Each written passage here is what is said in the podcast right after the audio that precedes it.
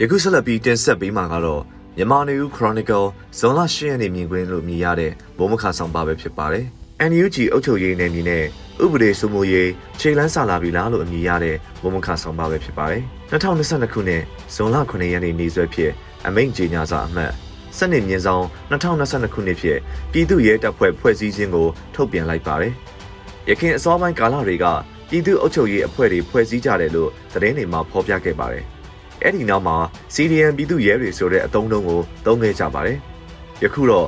NUG ရဲ့ပြည်သူ့ရဲတပ်ဖွဲ့ဖွဲ့ပြီးလို့ NUG တမနာလက်မှတ်နဲ့ထုတ်ပြန်လိုက်တာဖတ်လိုက်ရပါတယ်။အမိန့်ကြေညာစာမှာဖော်ပြထားတာကအမျိုးသားညီညွတ်ရေးအစိုးရသည်အကြမ်းဖက်စစ်ကောင်စီ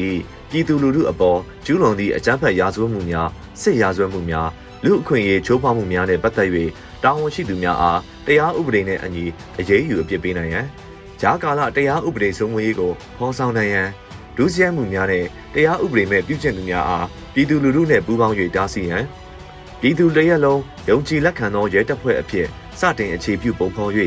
ပြည်သူလူထုအတွက်တရားဥပဒေနဲ့အညီဝန်ဆောင်မှုပေးသည့်ရဲတပ်ဖွဲ့ဖြစ်စေရန်ပြည်သူရဲတပ်ဖွဲ့ဥပဒေနဲ့အညီပြည်သူရဲတပ်ဖွဲ့အားဖွဲ့စည်းလိုက်သည်လို့ဖော်ပြထားပါတယ်။စစ်ကောင်စီရဲ့အကြမ်းဖက်တပ်ဖြတ်မှုတွေ၊ရာဇဝတ်မှုတွေ၊လူအခွင့်အရေးချိုးဖောက်မှုတွေအရေးယူဖို့ကအဓိကကြသလိုလက်တယ်မပေါ်ပဲအသက်ခံ လက်ဆဖျောက်ခံနေရတဲ့အကြမ်းဖက်မှုအများပြားကိုဘလို့ကြိုက်တွယ်မလဲဆိုတာစိတ်ဝင်စားစရာဖြစ်ပါတယ်။အစိုးရမဟုတ်တဲ့အရက်ဖက်လူအဖွဲ့အစည်းတွေကစစ်ကောင်စီရဲ့ရာဇဝတ်မှုများကိုမှတ်တမ်းတင်ထုတ်ပြန်ကြလိမ့်ရှိတာမို့စစ်ကောင်စီပြစ်မှုတွေကတော့မှတ်တမ်းအဖြစ်ရှိနေတာကိုတွေ့နိုင်ပါတယ်။ဥပမာကျန်းမာရေးဝန်ထမ်းတွေအပေါ်စစ်ကောင်စီကျူးလွန်မှုတွေကို Insecurity Insight အဖွဲ့ရဲ့မှတ်တမ်းထုတ်ပြန်ထားတာရှိပါတယ်။အဲ့ဒီမှာ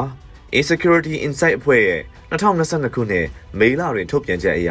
ဥပဒေမဲ့စစ်အာဏာသိမ်းခဲ့တဲ့တရက်2လ2021ခုနှစ်မှာ31ရက်3လ2022ခုနှစ်အထိမြန်မာနိုင်ငံအတွင်းကျန်းမာရေးလုပ်သားများဈေးရုံဈေးကမ်းများလူနာတင်ရင်များအပါအဝင်ကျန်းမာရေးစောင့်ရှောက်မှုလုပ်ငန်းများအပေါ်အကြမ်းဖက်စစ်ကောင်စီရဲ့အကြမ်းဖက်တိုက်ခတ်မှုပေါင်း492ခုထိရှိခဲ့ပါတယ်။ အဆိုပါထုတ်ပြန်ချက်အရအကြမ်းဖက်စစ်ကောင်စီသည်ကျန်းမာရေးလုပ်သား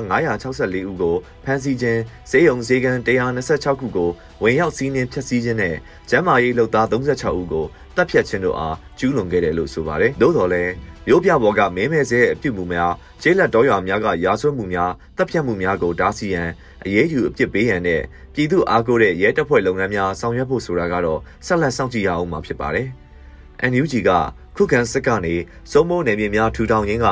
NUG ပြည်သူရဲလုပ်ငန်းများအကောင့်ထဲပေါ်ရမှာဖြစ်တာမို့ PDF စုံမိုးနယ်မြေများကနေပြည်သူရဲများကအုပ်ချုပ်ရေးဥပဒေစိုးမိုးရေးကိုလွှဲပြောင်းယူတဲ့အဆင့်ကိုလည်းစိတ်ဝင်စားစောင့်စားကြရမှာဖြစ်ပါတယ်။စစ်ကောင်စီလက်အောက်မှာမျှတတဲ့တရားစီရင်ရေးပြတ်သုံးနေပြီလို့ရှေ့နေတဲ့တော်တော်များများကပြောဆိုတဲ့သတင်းတွေကြောင့် NUGE ပြည်သူ့ရဲနဲ့ပြည်သူ့အုပ်ချုပ်ရေးအခမ်းကဏ္ဍမှာအရေးပါတဲ့တရားရေးရာရှိနေများရည်တည်နိုင်ဖို့လဲဘလို့အာမခံချက်ပေးမှလဲဆိုတာနောက်မေးခွန်းဖြစ်လာပါတယ်စစ်ကောင်စီလက်အောက်ကအစောပိုင်းကာလတွေမှာရှေ့နေအဖွဲ့တွေကအဖမ်းဆီးခံရတဲ့လူငယ်တွေရဲ့အမှုတွေကိုအခမဲ့လိုက်ပါကူညီဆောင်ရွက်ပေးခဲ့ပေမဲ့နောက်ပိုင်းမှာတော့ရှေ့နေတွေကိုယ်တိုင်ထွက်ပြေးတိမ်းရှောင်ရတဲ့အခြေအနေအထိဖြစ်လာပါတယ်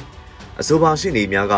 NUG အုပ်ချုပ်ရေးပြည်သူ့ရဲတရားရုံးရေးရာဌာနအကျဉ်းသားထိန်းသိမ်းမှုအပါအဝင်တွေမှာ တရားလိုတရားခံအစိုးရပြည်သူတွေကိုကိုစားပြုဆောင်ရွက်ဖို့နဲ့ပြည်သူတွေအတွက်လက်လန်းမီဖို့လည်းလိုအပ်ပါတယ်။လက်ရှိမှာစစ်ကောင်စီကနိုင်ငံကောင်းဆောင်တွေရဲ့အမှုတွေကိုလိုက်ပါဆောင်ရွက်ပေးနေတဲ့ရှေ့နေတော်ရွန်းနုအောင်ကိုဧပြီလ29ရက်နေ့ကဖမ်းဆီးခဲ့ပြီးအကြမ်းဖက်မှုတိုက်ဖျက်ရေးဥပဒေနဲ့တရားစွဲခဲ့ပါတယ်။နိုင်ငံကောင်းဆောင်တွေကိုလိုက်ပါကူညီနေတဲ့ရှေ့နေအဖွဲ့တာဝန်ရှိသူတွေကိုလည်းစစ်ကောင်စီကဖိအားပေးပြီးပြောရေးဆိုခွင့်ပိတ်ပင်ထားပါတယ်။ အလားတူ NLD နဲ့ပတ်သက်တဲ့ရှေ့နေတွေကိုချင်းချောက်တာတွေပြုလုပ်ခဲ့တဲ့အတွက် NLD ပါတီဝင်ရှေ့နေတချို့ဟာလွတ်မြောက်နေမြေကိုထွက်ပြေးတိမ်းရှောင်ခဲ့ကြရပါတယ်။ NUG စိုးမိုးနေမြေတွေကတရားဥပဒေစိုးမိုးတယ်ဆိုတဲ့နေမြေတွေမှာရဲတွေအပြင်ရှေ့နေတွေအတွက်လွတ်လပ်မှုနဲ့အာမခံချက်လည်းလိုအပ်လာမှာဖြစ်ပါတယ်။စစ်ကောင်စီကဒေါ်လန်ရေးသမားတွေကိုသူတို့စိတ်ထင်ရဥပဒေတွေနဲ့ပုံမှန်၄၅၆ခုတက်ပြီးတရားစွဲဆိုတာတွေပြုလုပ်ခဲ့တာပါ။ ရန်ကုန်မြို့အင်းစိန်ထောင်တစ်ခုထဲမှာဒေါ်လာရေးအကျဉ်းသား2000ဝန်းကျင်အမှုရင်ဆိုင်နေရပြီး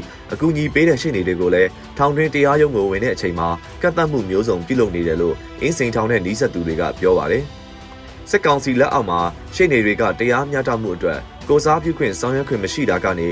NUG လက်အောက်မှာပြည်သူရဲတွေနဲ့တရားဥပဒေဝန်ထမ်းတွေဤတရားမျှတမှုအတွက်လွတ်လပ်စွာစိုးရိမ်မှုမရှိလုပ်ကိုင်နိုင်မှုကိုလည်းပြည်သူတွေကမျှော်လင့်ပါလိမ့်မယ်။ပြည်ထရေးဝန်ကြီးဌာနကတော့ NUG ပြည်သူ့ရဲလုပ်ငန်းတွေအတွက်အမှုတွေကိုစောင့်ကြိုနေပြီလို့ပြောထားပါတယ်။ကြားကာလမှာတိုင်ကြားထားသောခိုးမှုလူရဲမှုနဲ့အမျိုးသမီးများအပေါ်အကြမ်းဖက်မှုတွေအပေါ်ရဲလုပ်ငန်းစဉ်စတင်မယ်လို့ပြည်ထရေးဝန်ကြီးဦးငွေကိုလက်ကအသိပေးပြောကြားလိုက်ပါတယ်လို့သတင်းများကလည်းဖော်ပြထားပါတယ်။ NUG ရဲ့အုပ်ချုပ်မှုနယ်မြေတွေကိုစတင်တည်ထောင်နေပြီဖြစ်ပါတယ်။ကျွန်တော်တို့အုပ်ချုပ်မှုစတင်တည်ထောင်တဲ့နယ်မြေတွေမှာပြည်သူလူထုရဲ့အသက်အိုးအိမ်နဲ့ပတ်သက်တဲ့လုံခြုံမှုကိုတာဝန်ယူဖို့ဖြစ်ပါတယ်။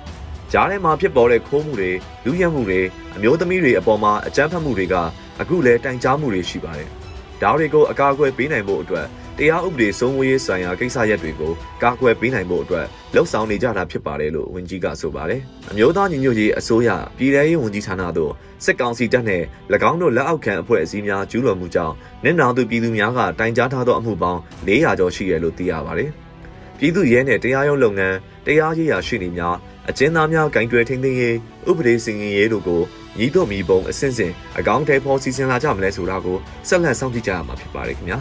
ယခုတင်ဆက်ပေးခဲ့တာကတော့